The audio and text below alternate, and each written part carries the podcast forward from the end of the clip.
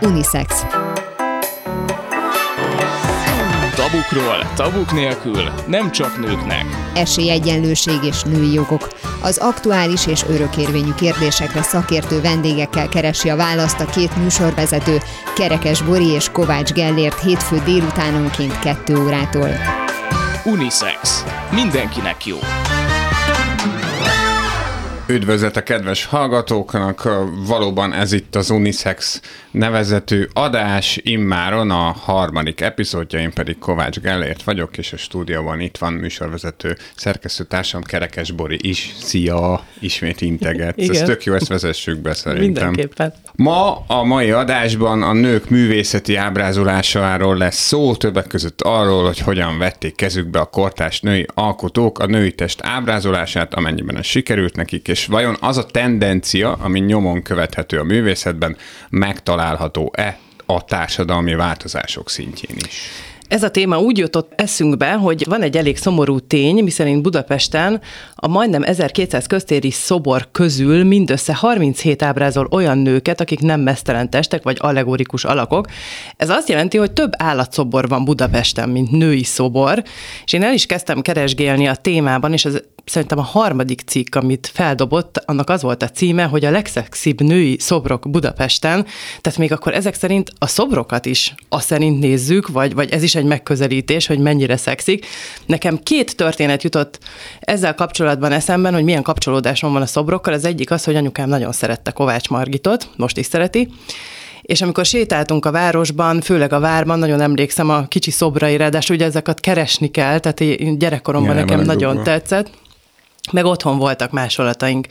Nem igaziak, csak másolatok, és ugye ezek ilyen kislányszerű, vagy anyukaszerű, tehát nekem ilyen nagyon szép, ilyen babaszerű volt a gyerekkoromban a kép arról, hogy milyen egy női szobor. A másik pedig, hogy Balatonudvariban van nyaralunk, és ott a strandon van egy, hát meglehetősen ledér öltözetben álló női szobor, ez gyakorlatilag azt jelenti, hogy felül nincsen rajta semmi, és önti ki a vizet egy kancsóból, és a kisfiam már egészen pici korában mondta azt, hogy ez én vagyok, és ezt azóta is úgy hívjuk, hogy mama szobor, hát ez nem tudom, hogy milyen fényt vet rám, azért azt elárulom, hogy nem szoktam így szaladgálni, tehát valószínűleg nem azért. Neked van esetleg olyan női szobor, ami így megvan az emlékeidben? Abszolút, de ez is ilyen eszményszerű szobor, vagy hát én azt figyeltem meg, hogyha női szobrokról beszélünk, és nem a, az akt jellegén van a lényeg, akkor általában valamiféle eszmét, vagy valami, ahogy te is említetted, valami olyan tulajdonságot, az anyaságot, a, a kitartást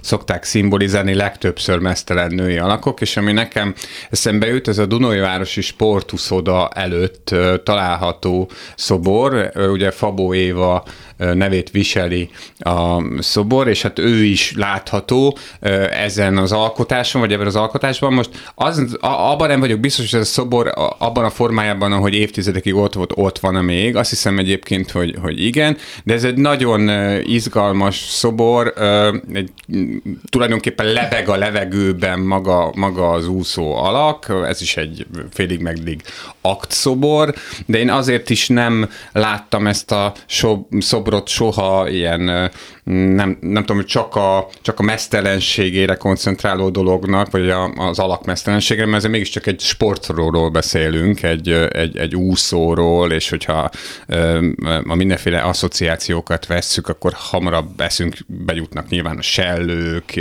és így tovább.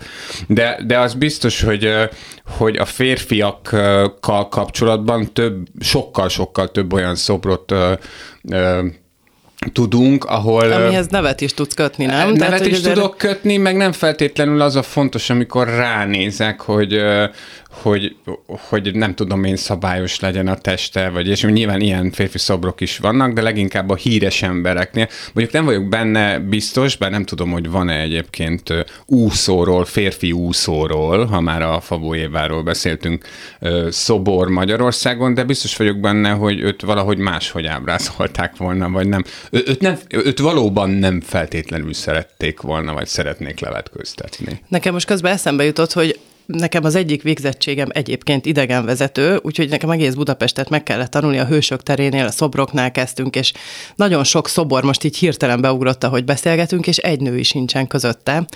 Ez az, amit megelégelt egy csapat, akiknek az egyik vezetője egy urbanista, aki többet magával úgy döntött, hogy kampányol az ellen, hogy nincsenek Budapesten női szobrok, vele fogunk beszélgetni. Konyolcsik Bori már itt is van velünk. Szerbusz! Sziasztok! Mesélj légy szíves nekünk a kampányról, hogy miből áll ez egészen pontosan. Hát nagyon köszönöm, hogy itt lehetek, mert számomra ez egy fontos része a munkámnak. 2018-ban indítottunk egy kampányt azért, hogy több női szobor legyen Budapesten. Ezt tudni kell, hogy Budapesten rengeteg szobor van, tehát Ferenc József volt az első, aki felhívta a budapestiek figyelmét arra, hogy nagyon kevés szobor van a városban, úgyhogy egy kicsit igyekezni kéne, és azóta nem hagytuk abba, változni változnak a rendszerek, de minden rendszer teleszórta Budapestet szobrokkal. Viszont amiről eléggé elfeledkeztek, azok a női szobrok. Eh, hogyha Budapest utcáin sétálunk, akkor nagyon sok női alakot láthatunk szoborban megörökítve, de ezek többnyire mesztelen táncos lányok, különböző allegóriák, általában nincsen nevük, meg ruhájuk se.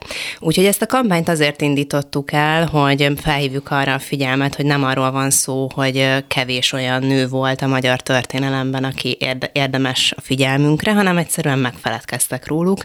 Úgyhogy néhány évvel ezelőtt a Nemzetközi Nőnapon papírszobrokat állítottunk ki forgalmas közterekre, és azzal hívtuk fel a figyelmet, hogy itt van például Hollósi Kornélia, aki egy színésznő volt, vagy Remsajer Eszter, aki a Zsárbónak az első női vezetője volt. Nézzétek meg őket, szívesen beszélünk róluk, milyen jó lenne, hogyha lenne köztéri szobruk. És elképesztően jó reakciókat kaptunk, rengetegen megálltak, kérdeztek, és mondták, hogy milyen jó, hogy, hogy egyfajta feminin karakter bekerült a budapesti térbe. Mielőtt folytatod a kampányt, ez neked a várost jól ismerő urbanistaként volt egy fontos cél, nőként volt fontos cél, ben, a te fejedben mi volt ezzel kapcsolatban? Mind a kettő, tehát urbanistaként is fontos cél volt, nőként is, és anyukaként is. Tehát nekem van egy kislányom, aki rengeteget kérdez, most lesz nyolc éves, és nagyon szeret erről beszélgetni, és nagyon szeret arról kérdezni, hogy, hogy nők hogyan, hogyan voltak a történelemben, Nyilván ő is tudja, vagy ismeri a munkámat, és ő is sokat kérdez erről, hogy akkor most mi van a női szobrokkal. És nekem, nekem ez egy nagyon fontos jel arra, hogy a, a gyerekek, a lányok figyelnek. Tehát az, hogy milyen szobrok vesznek minket körül, az nem, nem egy észrevétlen dolog. És hogyha azt látjuk, hogy egy, egy, egy magunkfajta nő egyszerűen kerékbe törheti magát, de nem csinálhat olyat az életben, ami, amivel elérheti, hogy megörökítsék ilyen formában, akkor, akkor nem is fogja elhinni, hogy bármi lehet belőle. Tehát, hogyha a kislányok kizárólag ilyen köpcös, bajszos férfiakkal találkoznak köztereken, akkor, akkor azt fogják gondolni, hogy akármit csinálok, én, én belőlem nem lehet szobor soha. Tehát ez egy, ez egy kifejezetten inspiráló dolog, hogyha ha látjuk, hogy magunk fajta arcok, alakok megjelenhetnek köztereken. Azt mondtad, hogy a fogadtatás jó volt, de az eredmény, vagy utána hogyan folytatódott a kampány, az eredmény milyen lett? Igazából az első kézzelfogható eredménye az volt, hogy, hogy ezt, ezt a kampányt, ezt olyan szempontból valósággá valóságra váltottuk, hogy szponzoráltunk egy Kolotkó miniszobrot Szenes Hannáról, ezt zseniális időzítéssel a járvány első pár napjára, tehát akkor így, tehát a, hogy mondjam, nem feltétlenül szoborra kellett volna költeni akkor, de ez akkor már, akkor már készítette Kolotkó Mihály ezt a szobrot, a Szenes Hanna téren van egy, egy picike Szenes Hanna szobor, aki egy költőnő volt, aki, akit meggyilkoltak a második világháború alatt, és végül a második kerülettel sikerült elérni azt, hogy az frissen felújított színatéren lett egy, lett egy Szenes Hanna szobor, amit Fáskárti Zsófia szobrászművész alkotott. Én részt vettem a szoborbizottság munkájában, és nagyon büszke vagyok arra, hogy nem csak azt sikerült elérni, hogy, hogy lett egy új női szobor Budapesten a második kerületben, hanem azt is, hogy ezt egy nő készítette. Tehát, tehát ez, egy, ez egy dupla győzelem, mert nyilván itt arról is érdemes beszélni, beszélni, hogy a képzőművészetben nők mennyire tudnak vagy nem tudnak érvényesülni, és mennyire nehéz betörni erre a piacra. És a következő célunk az, hogy, hogy Dajka Margitnak legyen szobra a Terézvárosban, amit szerencsére az önkormányzat fel is karult, úgy, úgyhogy ott is dolgozom a szoborbizottságban azon, hogy, hogy ismét megvalósulhasson egy női szobor. Az nem világos számomra, hogy amikor ti javasoltok szobrokat, akár csak most a Dajka Margitét, akkor ö, ö, már egy olyan közeg fogad el titeket, akiknek mondjuk van egy listája, hogy ne jó lett volna ezekről a, és ezekről a nőkről ö, szobrot készíteni, vagy ö, magukat a, a neveket is már mondani kell. Tehát, hogy, hogy azt akarom kérdezni, hogy, hogy hogy érzed, hogy nélkületek ez az egész, maguktól is eszük bejutott volna, vagy, vagy ez egy olyan beidegződött dolog, hogy szinte csak férfiakról vannak szobrok, hogy muszáj civil oldalról nyomást gyakorolni? Én azt gondolom, hogy sokat tettünk azért, hogy, hogy erről több szó legyen. Tehát nyilván itt azoknál a női szobroknál, ahol, ahol én konkrétan nem dolgoztam ezen, nem tudok egy direkt kapcsolatot magamnak vindikálni, de például Újpesten nemrég avattak föl egy Prém Margit szobrot, ami, ami megint csak egy olyan dolog, hogy, hogy szuper, hogy egy önkormányzat figyel erre, szuper, hogy, hogy a női történetekről is beszélünk már. Én merem remélni, hogy sokat hozzátettünk ehhez a párbeszédhez, de azt gondolom, hogy, hogy sokat változik a világ, tehát hogyha ha, ha ma elmentek most nyíló kiállításokra, múzeumokba, akkor a, a női történetek sokkal inkább részei a kiállítási anyagnak. Tehát kezd megváltozni azt, hogy a, a történelmet fehér férfiak írják fehér férfiaknak. Tehát sokkal-sokkal színesebb történetekkel találkozunk mindenhol, hála Istennek. Hát arra is gondoltam egyébként, hogy kell -e nyomást gyakorolni, vagy, vagy igazából a szándék az, az, az megvan azokban, akik várost hát fejlesztenek. beindítani kellett. Tehát ahogy, ahogy mondod, hogy a párbeszédet elindítani, a, onnantól kezdve már akár reméljük, hogy mehet is a maga útján. Én azt gondolom, hogy fontos a civil kezdeményezés, mert nyilván egy, egy önkormányzata abból tud táplálkozni, amit, amit a, a lakóktól, a város lakóktól kap, de, de én nagyon sok nyitott önkormányzattal találkozom, nyilván jobb lenne, hogyha több lenne, de, de én borzasztóan örülök annak, hogy, hogy érzik azt, hogy, hogy mennyire jó fogadtatása van egy-egy ilyen szobornak, és mennyire meg tudja változtatni azt a, a városi teret, hogyha ha nem csak férfiak vannak benne. Van kedvenc női szobrod? Én a Szenes Hanna szobrot nagyon szeretem. Azért szeretem nagyon, mert egy egyszerű portrészobor, viszont teljesen más beállítással dolgozott a, a művésznő, egy picit megemeli Szenes Hanna az állát, és be van csukva a szeme. Tehát ö, első pillantásra nem látod azt, hogy ez egy mennyire különleges szobor, de hogyha közelebb mész hozzá, akkor abszolút átjön ennek a nőnek a mártír halála, az elszántsága, ö, és az egész fiatal életének a fájdalmas vége. Tehát egy végtelenül komplex és nagyon egyszerű szobor. Tehát nekem itt ennél a munkánál nagyon fontos volt az, hogy megmutassuk azt, hogy ki volt ez a nő. Itt nyilván felmerül az is, hogy egy, egy kortárs műalkotásnál mennyire kell arcokat megjeleníteni például. Tehát ott van egy másik érv, hogy nagyon sok a szobor. Budapesten nem biztos, hogy további szobrokat kell berakni a térbe, viszont a másik érv pedig az, hogy egy olyan nőnél, akit kevesen ismernek, igenis meg kell mutatni, hogy hogy nézett ki.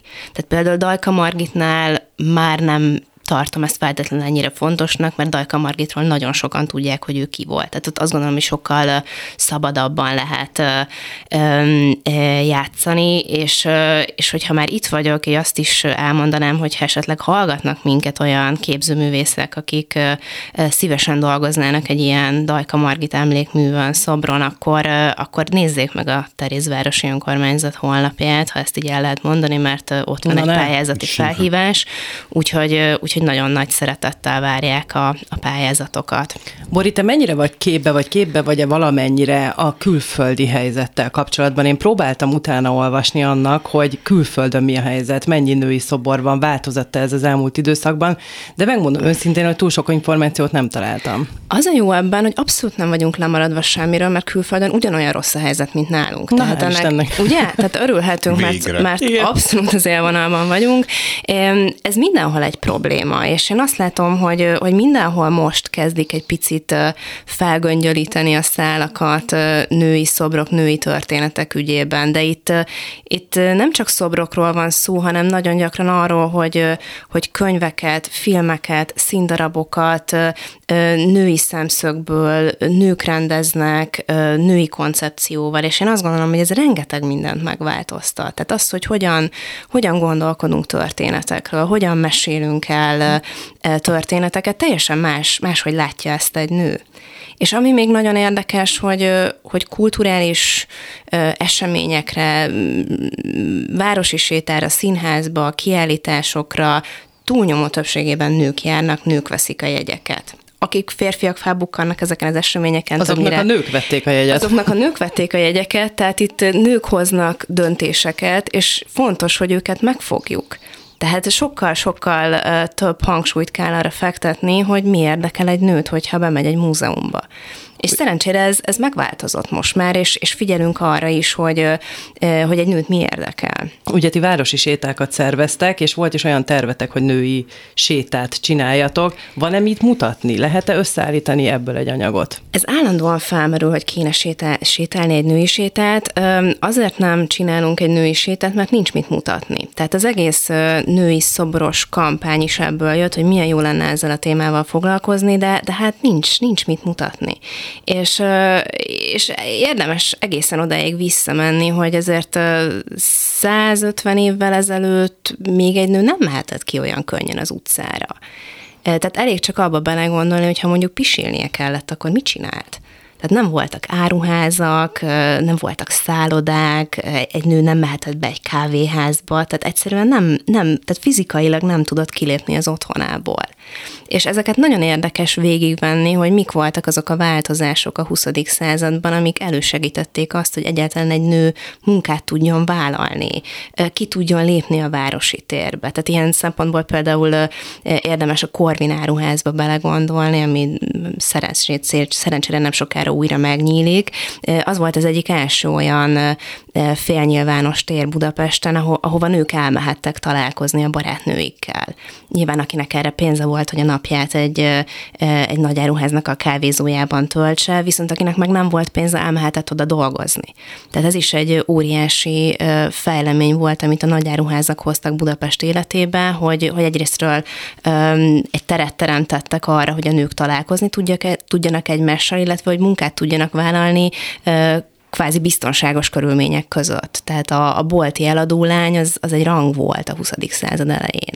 Hogy, hogy vetted észre egyébként, hogy egy idő után, miután mondjuk beszélgettek a felelősökkel, vagy az önkormányzatokkal, tehát azokkal, akik ezeket a szobrokat állítják. Egy idő után át tud állni az agyuk arra, hogy ne szerűen gondolkodjanak egy ilyen projektben, mert ugye, mint, mint ennél a jelenségnél általában az szokott lenni egy idő után, hogy nem feltétlenül akár csak a díjkiosztókon, az Oscaron, vagy bárhol máshol, nem feltétlenül csak abban gondolkodnak, hogy az adott embernek a személyisége, vagy az adott teljesítménye díjat, vagy akár szobrot érdemel, hanem jó van, akkor pipáljuk ki. Vagy azt tapasztaltad, hogy egyből elindul a közös gondolkodás? Én azt gondolom, hogy meg lehet őket győzni, hogy ez nem csak plusz egy szobor, plusz egy diátadó, meg plusz egy vonós négyesnek a kihívása, hanem, hanem valóban tudnak egy olyan, olyan gesztust tenni a budapestiek felé, amit nagyon értékelnek. Tehát én, én azt, azt gondolom, hogy ez egy, ez egy olyan kérdés, ami, amiben az emberek többsége nem gondol bele, hogy probléma, viszont hogyha ha rámutatunk arra, hogy te nézd már, tehát állatszoborból is több van, mint női szoborból, és ez nem jó, akkor mindenki annyira felháborodik, és annyira sok érzelmet tud generálni egy ilyen ügy, hogy, hogy én azt látom, hogy egy önkormányzat ezt, ezt át tudja látni, hogy fontos ezzel foglalkoznia. És mit, Mit tapasztalsz, hogy 2020-as években, vagy 2023-ban egy átlagembernek mit jelent egy szobor?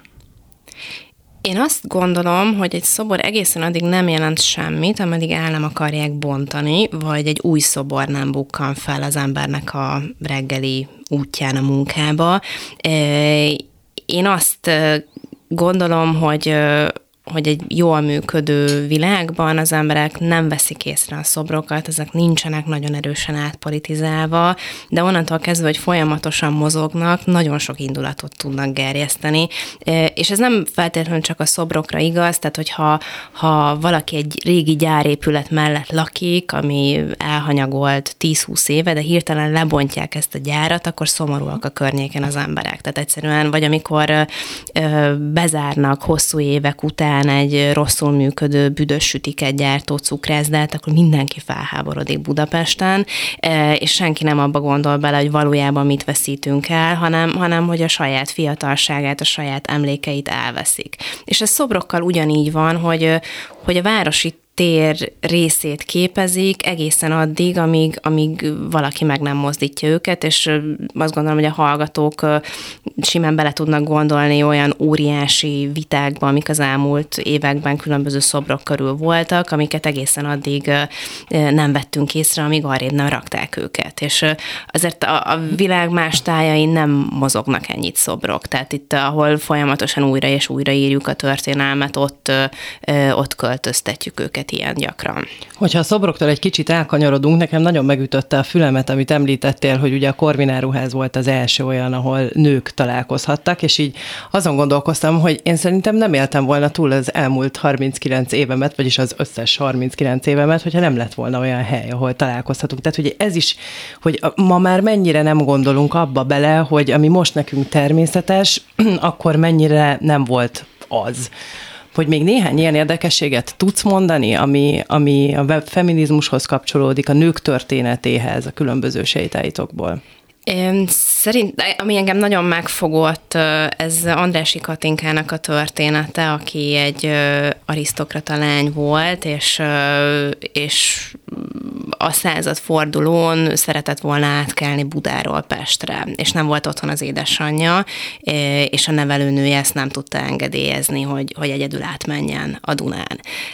Ami nekem, nekem azért egy érdekes történet, mert nagyon jól mutatja azt, hogy mennyire messzire mentünk, és azt is, arra is nagyon fájdalmasan rávilágít, hogy, hogy azok a nők, akik, akik át tudták törni a 19. század végi üvegplafonokat, vagy a 20. századi üvegplafonokat, azoknak mennyivel többet kellett teljesíteniük, mint nekünk. És nekünk is elég sok problémánk van. Tehát, tehát hogyha abba, abba belegondolunk, hogy, hogy akár csak az, hogy egy, egy rossz házasságból kilépni, szakmát választani. Most azt fordult meg a fejemben, hogy nem lehet, hogy akkoriban a választási lehetőség hiánya volt a nehéz nehézség, most pedig a választási lehetőség sokasága lehet a mi életünkben nehézség, hogyha te belegondolsz a jelenlegi életedben, abban a sok, abban a sok szerepben, amit mondjuk te is betöltesz. Szerintem a mi életünkben az a nehéz, hogy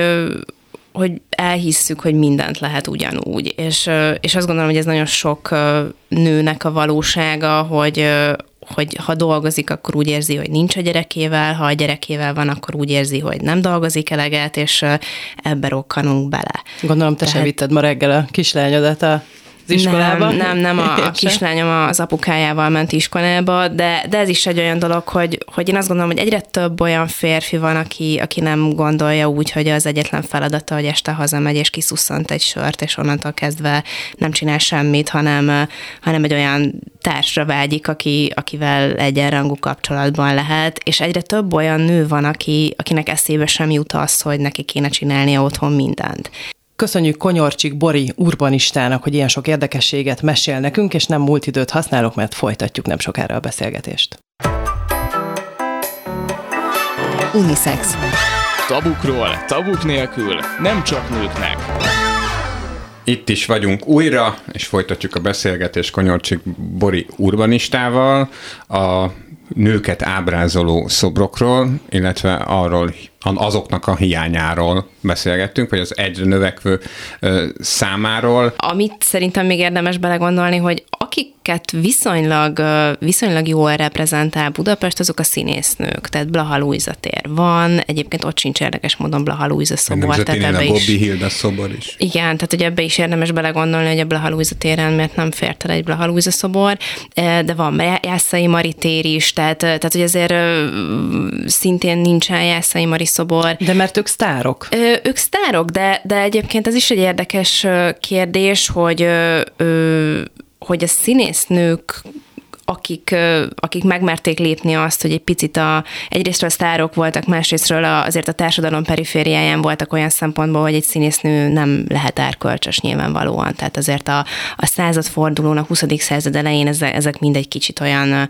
rosszféle nőkként voltak számon tartva, de ez is egy érdekes ellentmondás, hogy igen, megengedjük azt, hogy reflektorfénybe legyél, viszont a, a, a, a kvázi a jó híredet, a tisztaságodat, mint nőt, azt elvesz vesszük. Tehát ez a két dolog együtt nem létezhet, ami azért ennek a korszaknak a férfi sztárjainál nincs így. Tehát nekem például egy, egy, egy örökös veszőparipám az, hogy nőket hogy szólítunk meg, tehát fiatal nőket hogy szólítunk meg, és amíg például nőkre simán mondják azt, hogy a kislányok az irodában, ennek nincsen férfi megfelelője. Tehát azt nem mondod, hogy a kisfiú hozzon egy kávét.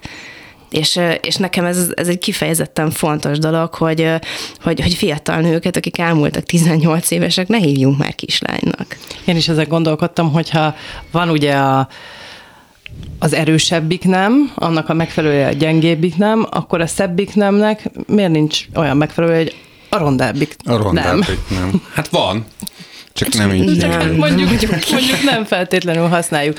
Ugye most már említettél egy pár nevet azokkal a nőkkel kapcsolatban, akiknek a történetét megismerted és inspirálók a számodra, hogyha mégiscsak lenne mit mutatni az embereknek, akkor kiket raknál még bele ebbe a történetbe, ebbe a nő, női csapat. Egy all Igen. Én nagyon örülnék, ha például Telkes Máriának, aki egy napenergia kutató, és Amerikában nagyon sokan ismerik, lenne szobra. Én azt gondolom, hogy a, a, a BME környékén elférne egy, egy Telkes Mária szobor. Nagyon örülnék, hogyha Polcelennek lenne szobra. Aki, Annak én is nagyon. Igen, azt gondolom, hogy igen, azt gondolom, hogy te is ennek, ennek örülnél, hogyha az ő munkásságát megörökítenénk köztéren is. is. Te is örülnél? Mindannyian örülnénk, igen, tehát rengeteg rengeteg... A női szobrok egyébként, bocsánat, szebbek, mint a férfi szobrok. E- e- ezt is tegyük Hiszen hozzá. ez a szebbik nem. Hát Igen. Hiszen ez a szebbik nem, ha már az előbb erről beszéltünk, meg hát ö, ö, tehát komplex sorsokról van szó. Tehát, hogy, hogy a, éppen azért, mert mondjuk a közvélemény nem feltétlenül ismeri annyira a, a női kiválóságokat, ezért ö, ezekben a szobrokban is kifejezőbben kell valahogy átadni a feliratokon kívül azt, amit ők jelentenek, nem? Meg egyébként, hogyha belegondoltok, mindenképpen így van, tehát nyilván itt is sokkal sokkal komplexebb sztorik vannak sok esetben, és, és azt gondolom, hogy ez egy nagyon izgalmas kihívás a, a képzőművészeknek is. Nagyon szépen köszönjük Konyorcsik Bori urbanistának, hogy itt volt velünk. Szerintem még köszönjük nagyon sok szépen. érdekességet lehetne mesélni. Köszönjük, hogy itt volt. Köszönjük, majd hogy... még. Szia! Most pedig az Unisex hírrovata következik, természetesen nőkről szóló nőket érintő hírekkel. Kutatások szerint a nők gyakrabban küzdenek álmatlansággal, mint a férfiak, többek között emiatt is lehet, hogy a nők kétszer nagyobb valószínűséggel szenvednek súlyos depresszióban vagy szívbetegségben. Ezért egészségük megőrzése érdekében több alvásra van szükségük, mint a férfiaknak. A nőknek ugyanis más az agyszerkezete, és másként is használják az agyukat, mint a férfiak. A nők agya összetettebb és keményen munkának van kitéve a nap folyamán, hiszen ők hajlamosak több feladatot is elvégezni egyszerre, ezáltal ténylegesen többet használják az agyukat, mint a férfiak. Egy nő számára az ideális éjszakai alvás 7-9 óra. Bár nyilván van még miben fejlődni, és országonként nagyon eltérnek az eredmények, Európa egészen jó arányokat mutat női egyenjogúság kérdésében. 76, 1,3%-os egyenjogúságot sikerült kivívni, ezzel Észak-Amerikát is megelőzve. A jó európai eredmény nagy részben az északi országoknak köszönhető, ugyanis Norvégiában, Finnországban és Svédországban például több mint 80% a mutató. Az egyik fontos intézkedés például, hogy az apák is mehetnek gyedre, és ezt az időt nem vonják le az anyák idejéből. Nem véletlen, hogy a boldogság mutató is ezekben az országokban a legmagasabb. A San Diego-i Egyetem tanulmánya az öregedés és a súly változásának kapcsolatát kutatta a nők esetében, és kimutatta, hogy azok a nők, akik 60 éves kor után is nagyjából tartották súlyukat, nagyobb valószínűséggel élték meg a 90-95 vagy akár a 100 éves kort. Több mint 54 ezer ezer nő vett részt a programban, amiből kiderült, hogy azok, akik az életkor előre haladtával nem fogytak sokat, kétszer nagyobb valószínűséggel éltek sokáig, mint azok, akik 5%-ot vagy többet veszítettek a súlyukból. A brit egészségügyi rendszer nemek közötti vizsgálata szerint az elmúlt öt évben a női sebészek 63%-a számolt be szexuális zaklatásról, a férfiaknál ez az arány 23%, vagyis a női sebészek kétharmadának kellett szembenéznie a szexuális zaklatás valamelyik formájával. A felmérésből kiderül az is, hogy a nők, akik továbbra is kisebbségben vannak a sebészetben, nagyobb valószínűséggel számolnak be szexuális visszaélésről és támadásról, mint férfi társaik. Végezetül következzen egy hír Franciaországból, amit mindjárt meg is vitatunk. Gellért kérlek, hogy ezt te olvast föl. Sokan kritizálták Marlene Schiappát, a francia kormány nemek egyenjogúságáért felelős miniszterét, aki a Playboy kamerája elé állt. A 100 ezer példány a megjelenés napján három óra alatt elfogyott, és 60 ezret kellett újra nyomni. Normális esetben egy számból csak körülbelül 30 ezer példányt adnak el. Schiappa elmondta, hogy a férfi magazin szerkesztői megkérdezték tőle, hogy pózolna-e mesztelenül a fényképezőgépek előtt, de ezt ő határozottan elutasította. Ehelyett fehér ruhában szerepel a címlapon, és a vele megjelent interjúban a feminizmusról és a női jogokról beszél. Hát ez mindenféleképpen szerintem egyébként egy előrelépés, ha a Playboyban megjelenik egy nővel egy, egy, egy, e, egy ilyen anyag. Biztos, hogy volt már egyébként hasonló, de, de ilyen titulusú, ilyen befolyásos emberek kapcsolatban szerintem még nem. Ugye ő arra is hivatkozott, hogy ezzel azt üzeni, hogy a nő azt tehet a testével, amit akar. Szerintem viszont ez azért sok kérdést fölvet, mondjuk ugyanilyen esetben egy férfi magas beosztású férfi politikusról mondjuk elképzelni azt, hogy ő áll valamilyen lenge öltözetben, jó, a férfi nem, nem, eleve nem sugal úgy szexualitást, meg maga az újság ugye már szexualitást sugároz, tehát hogy azért nekem megkérdőjelezhető az, hogy hogy a titulus megengedi-e ezt, és valójában mi lesz annak az üzenete. Tehát, hogyha ez akkor most nem tárgyasítás az üzenet? Hogy tárgyasítja magát?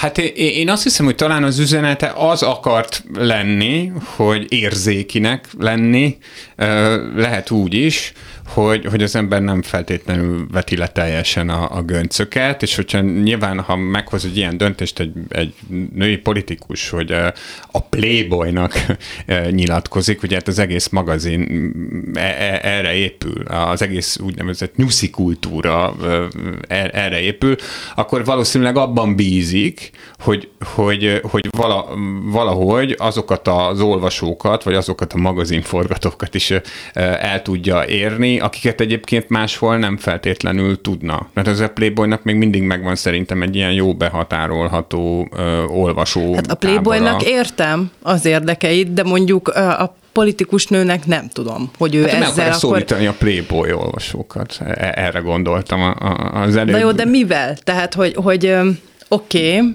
az egyenjogúsággal, Azzal... amivel azt üzeni, hogy, hogy én azt teszek a testemmel, amit akarok, csak amint én a testemet kirakom mások elé, akkor nem az van, hogy ők tesznek vele azt, amit akarnak? Szerintem nem feltétlenül. Lehetek büszke a testemre. Tehát miért ne lehetnék büszke arra, hogy adott esetben, ezt én nyugodtan mondhatom, mert rám nem igaz, hogy szép vagyok.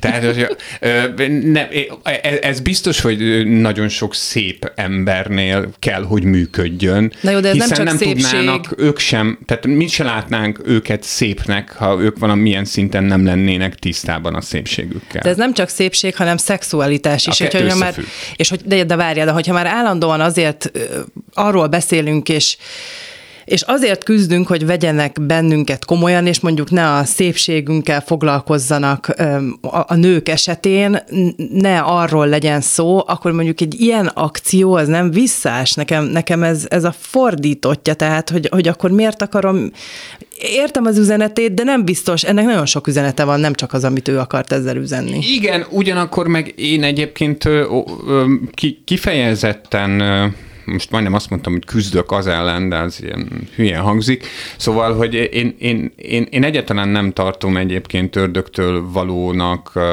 a, az emberi szépség ünneplését. Akár, akár csak olyan magazinokon keresztül, amelyek kifejezetten ebből élnek, vagy, vagy erre koncentrálnak, hogy ilyen típusú képeket jelenítenek meg. Én azt hiszem, hogy a, a szexuális üzenet is lehet nagyon-nagyon sokféle. Lehet egészen puritán, meg, meg, meg lehet kifejezetten bonyolult is. Ugyanígy az erotikus fotózásra is, ez szerintem kifejezetten igaz. Tehát én a saját Facebook oldalamon, az újságírói Facebook oldalamon nagyon sokszor posztolok olyan képeket nőkről és férfiakról vegyest, akikhez hozzáírom, hogy milyen gyönyörűek. Hiszen, hiszen azok. Tehát, hogy ö, ö, ha, ha, ha nem adnék hangot annak, hogy annak látom őket, akkor, akkor hazudnék, tehát hogy megtagadnék egy nagyon alapvető emberi érzést. Tehát Ezzel nekem sincs el. bajom, tehát a, a szépség megmutatásával nekem sincs bajom, csak hogyha például az zavar bennünket, hogy a női alakok többsége a budapesti szobrok közül félmeztelen, vagy allegórikus, vagy nem tudom, akkor miért nem zavar az bennünket, hogyha egy magas beosztású nő a nyuszis újságban szerepel, tehát azzal nem ugyanezt a trendet fogja tovább erősíteni? Nem, mert egy szobor nem tud megszólalni, ő nem tudja elmondani egy interjúban ugyanabban az újságban, hogy mit gondol a világról, és hogy miért döntött így. Tehát De hidd el, hogy szerintem egy csomóan el se olvasták, hogy ő mit mondott. Tehát valószínűleg hát ez lehet. a hír az alapvető, meg a képeket nézték Igen, meg. igen, de ezzel, ezzel azt hiszem, hogy nem nagyon tudunk mit csinálni. Tehát, hogyha ha, ha nyitott egy újságnak a közönsége arra, hogy ne csak nyuszikákat nézzen, ne csak a Miss September érdekelje, hanem akár egy ilyen radikális radikálisabb vállalás is, hogy egy ö, politikus a, a, a kamerák elé áll. Ö, ö, szóval, hogy ezzel nyilván kockáztatják azt, hogy mondjuk veszítenek olvasókat, ö, és hát ezért is volt valószínűleg bátorság a, a Playboy-tól is, mert azért erről is egy nagyon picit talán beszélgethetünk, hogy ezeknek a, az ilyen típusú magazinoknak azért ö, ö, eléggé leáldozóban van már a, a, a csillagok, és most nem csak a, a, a nyomtatott sajtó szinte teljes megszűnéséről, vagy, vagy, vagy annak a, a, a leépüléséről beszélünk, hanem annak a, a fókusznak, vagy annak az attitűdnek, amit ezek az erotikus magazinok képviselnek. Tehát az, az már azért látható a Playboyon szerintem, mert már hosszú-hosszú évek óta, hogy apró lépésekkel igyekeznek magukat átpozícionálni egy, ha nem is irodalmi magazinná, de egy olyan bulvár magazinná, a, amiben azért ö, ö, már évtizedek óta óta megjelenhetnek intellektuális tartalmak is, és, hogy, és, és ezek az intellektuális tartalmak és a társadalmi változások átalakítják tulajdonképpen a, a, az egész új, újságot is. És szerintem a, a, a Skiappának valószínűleg ez lehetett vonzó ebben a dologban, hogy, hogy lehet ennek a változásnak, ennek a lappiaci változásnak lehet talán az egyik olyan meghatározó alakja, aki, a, aki miatt majd más fog, máshogy fogják szerkeszteni ezeket a lapokat. Legyen így, legyen ez egy legyen. társadalmi változás is. Most pedig feminizmus történeti rovatunk következik állandó szakértőnkkel, Csádi Judittal, a Társadalom Tudományi Kutatóközpont Szociológiai Intézetének tudományos főmunkatársával. Most a Magyarországon egyedül igazán kiterjedt hatékony feminista mozgalomról fogunk beszélni. Mikor volt ez, Judit, pontosan, és hogyan nézett ki, hogy képzeljük el? 1904-ben alakult egy egyesület Magyarországon, aki úgy nevezte saját magát, hogy Feministák Egyesülete. Az alapítók Glücklich Vilma és Schwimmer Rózsa voltak. Glücklich Vilmáról érdemes tudnunk, hogy ő egy reformpedagógus volt, hihetetlen izgalmas módszereket vezetett be iskolákban, Schwimmer Rózsa pedig leginkább újságíróként jellemezhető és ez az az időszak, amikor Magyarországon amúgy is virágzott az egyesületi élet, ezt a századfordulót szokták így jellemezni, tehát ők egy voltak a sok száz nőszervezet közül. Ugyanakkor abban különlegesek voltak, hogy ők voltak azok, akik fölvállalták magát a feminizmus szót, és azt értették alatta, hogy a nő egyenjogosítása a társadalom minden területén. Hagy mondjak néhány szót még arról, hogy mi volt az ő alapító nyilatkozatukban, hogy mik a célkitűzéseik, és mi az, ami a mostani kutatások fényében a korábbi, hogy úgy mondjam, előítéleteknek ellentmond az ő tevékenységükkel kapcsolatban. Az egyik legfontosabb dolog az, hogy ez a mozgalom, ez több volt, mint politikai jogok követelése, tehát nem korlátozódott a választójog tematikájára. A választójogot azt ők egyfajta eszközként tekintették ahhoz, hogy elérjenek egy komplex programot, amit ők tulajdonképpen egy, egy víziójuk volt az igazságos társadalomról.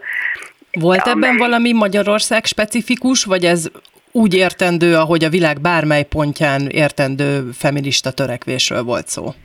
Nagyon hasonlított a többi törekvésre, hiszen ők is tagja voltak a Nemzetközi Választójogi Szövetségnek.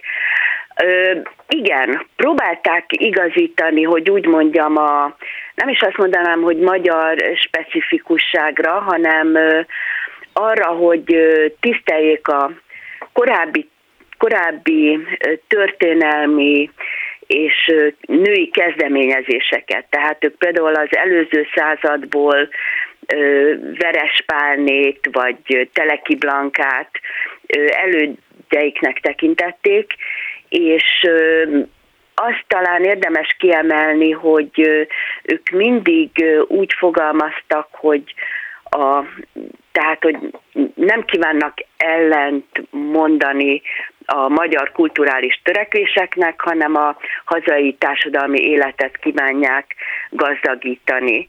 És érdemes elmondani még, hogy az ország több pontján, sőt nagyon sok pontján alakítottak fiók egyesületet, akikkel gazdag kapcsolatot ápoltak, és ahogy a kapcsolatot tudták ápolni, az például egy lapnak a kiadásán keresztül ment, amit ők először a nő és a társadalomnak hívtak, és utána pedig 1914-től a nő volt a lapnak a neve, ezt két hetente adták ki. Említett előítéleteket, amiket ugye most már az ismeretek fényében másképpen látunk. Mik voltak ezek az előítéletek? Hát például az, hogy ők ilyen egoisták lettek volna, tehát hogy a női jogokat azt a nő érdekérvényesítésének szerették volna, tehát azt elérni, és ez annyiban megcáfolható, megint behoznék egy elméleti keretet, egy Karenoffen nevű történész, talán már említettem őt, ő individualista és relacionista vonulatokra osztja a feminista mozgalmakat, és ez utóbbi ez azt jelenti, hogy mindig a társadalmi kapcsolatokban és a családi és társas kapcsolatokban képzelték el a női egyenrangúságot. Tehát ezt a mi feminizmusunkat, hogy úgy mondjam, ebbe a második kategóriába teszik, ahol nagyon nagy szerepet, illetve nagyon nagy hangsúlyt fektettek például az anyaságnak a védelmére is, hiszen nem túl sok ilyen intézmény volt korábban, vagy szociális területen nem voltak ilyen típusú segélyek, és ők erre is felhívták a figyelmet. Tehát ez az egyik. A másik az, hogy ők nem voltak férfi gyűlölők, Hát nem tudom, én nem is nagyon szeretem ezeket a sztereotípiákat ismételgetni, de az egyik legfontosabb az, hogy a hatásuk, tehát nem egy marginális kis mozgalom voltak, amik belvárosi urinőkre korlátozódott volna, hanem nagyon nagy társadalmi hatásuk volt. És ez például látszott abból, hogy 13-ban itt rendeztek Budapesten egy nemzetközi választójogi ö, nagygyűlést, tulajdonképpen egy egyhetes rendezvényt, és ennek a híre és a programja gyakorlatilag naponta szerepelt a hazai sajtóban, de a hazai sajtó korábban is beszámol a feministák tevékenységéről, és egyre elismerőbben, tehát 1910, 1904-ben, akkor megalakulnak, akkor ugye újdonság, olyan kicsit olyan távolságtartóan, de később, hogy úgy mondjam, egyenrangú partnerként tekintették őket társadalmi kérdésekben. Miért tartott mindösszesen két évtizedig ez a magyarországi igazi feminista mozgalom?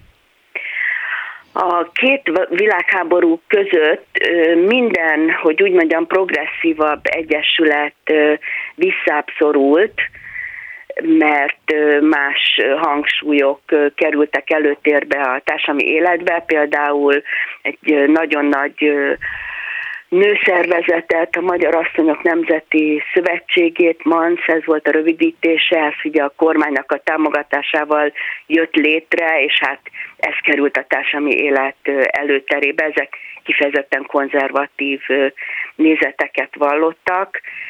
Ők eze, a feministák 1927-ben adták ki utoljára a lapjukat, ebben panaszkodnak pénzügyi nehézségekre, meg hogy az előfizetőiket nehezen tudják elérni, de már mint a lapjukban, de arra is, hogy például a rendőrség folyamatos zaklatásnak teszi ki őket, minden egyes egyesületi ülésükre beülnek, és figyelik, hogy milyen témákkal foglalkoznak, és tulajdonképpen elvesztik a tagságuknak egy nagy részét is, ugye a, a Versailles, a trianoni békeszerződés eredményeként, mert hát Temesvártól Kolozsvár, Pozsony, a délvidéken is, tehát a főbb, nagyobb nem magyar lakta területeken voltak tagjaik, és azt ugye ők mind elvesztették. És hát a 30-as évekre még tartják a gyűléseiket, 42-ben ők saját maguk föloszlatják magukat, mert jön egy betiltó rendelet, tehát ez már a második világháború időszaka, és ugyan 45-ben újra, újra, újra alakulnak, valamennyire a régi tagság összeáll, sajnos néhány áldozata is volt a háborúban a feministák egyesületének a tagságából, és 48-ban, mint minden társadalmi egyesületet betiltja őket a kommunista államhatalom, és utána ugye megfagy az egyesületi élet Magyarországon 1990-ig. Köszönjük Acsádi Juditnak, a hallgatóknak pedig a figyelmet. A műsorainkat visszahallgathatják a Klubrádió weboldalán és a főbb podcast megosztó felületeken. Reméljük, hogy jól érezték magukat, amíg a mai műsorunkat hallgatták, és jövő héten újra találkozunk. Minden jót kívánunk, Kerekes Bori és Kovács Gellért. Unisex. Tabukról, tabuk nélkül, nem csak nőknek. Unisex. Mindenkinek jó.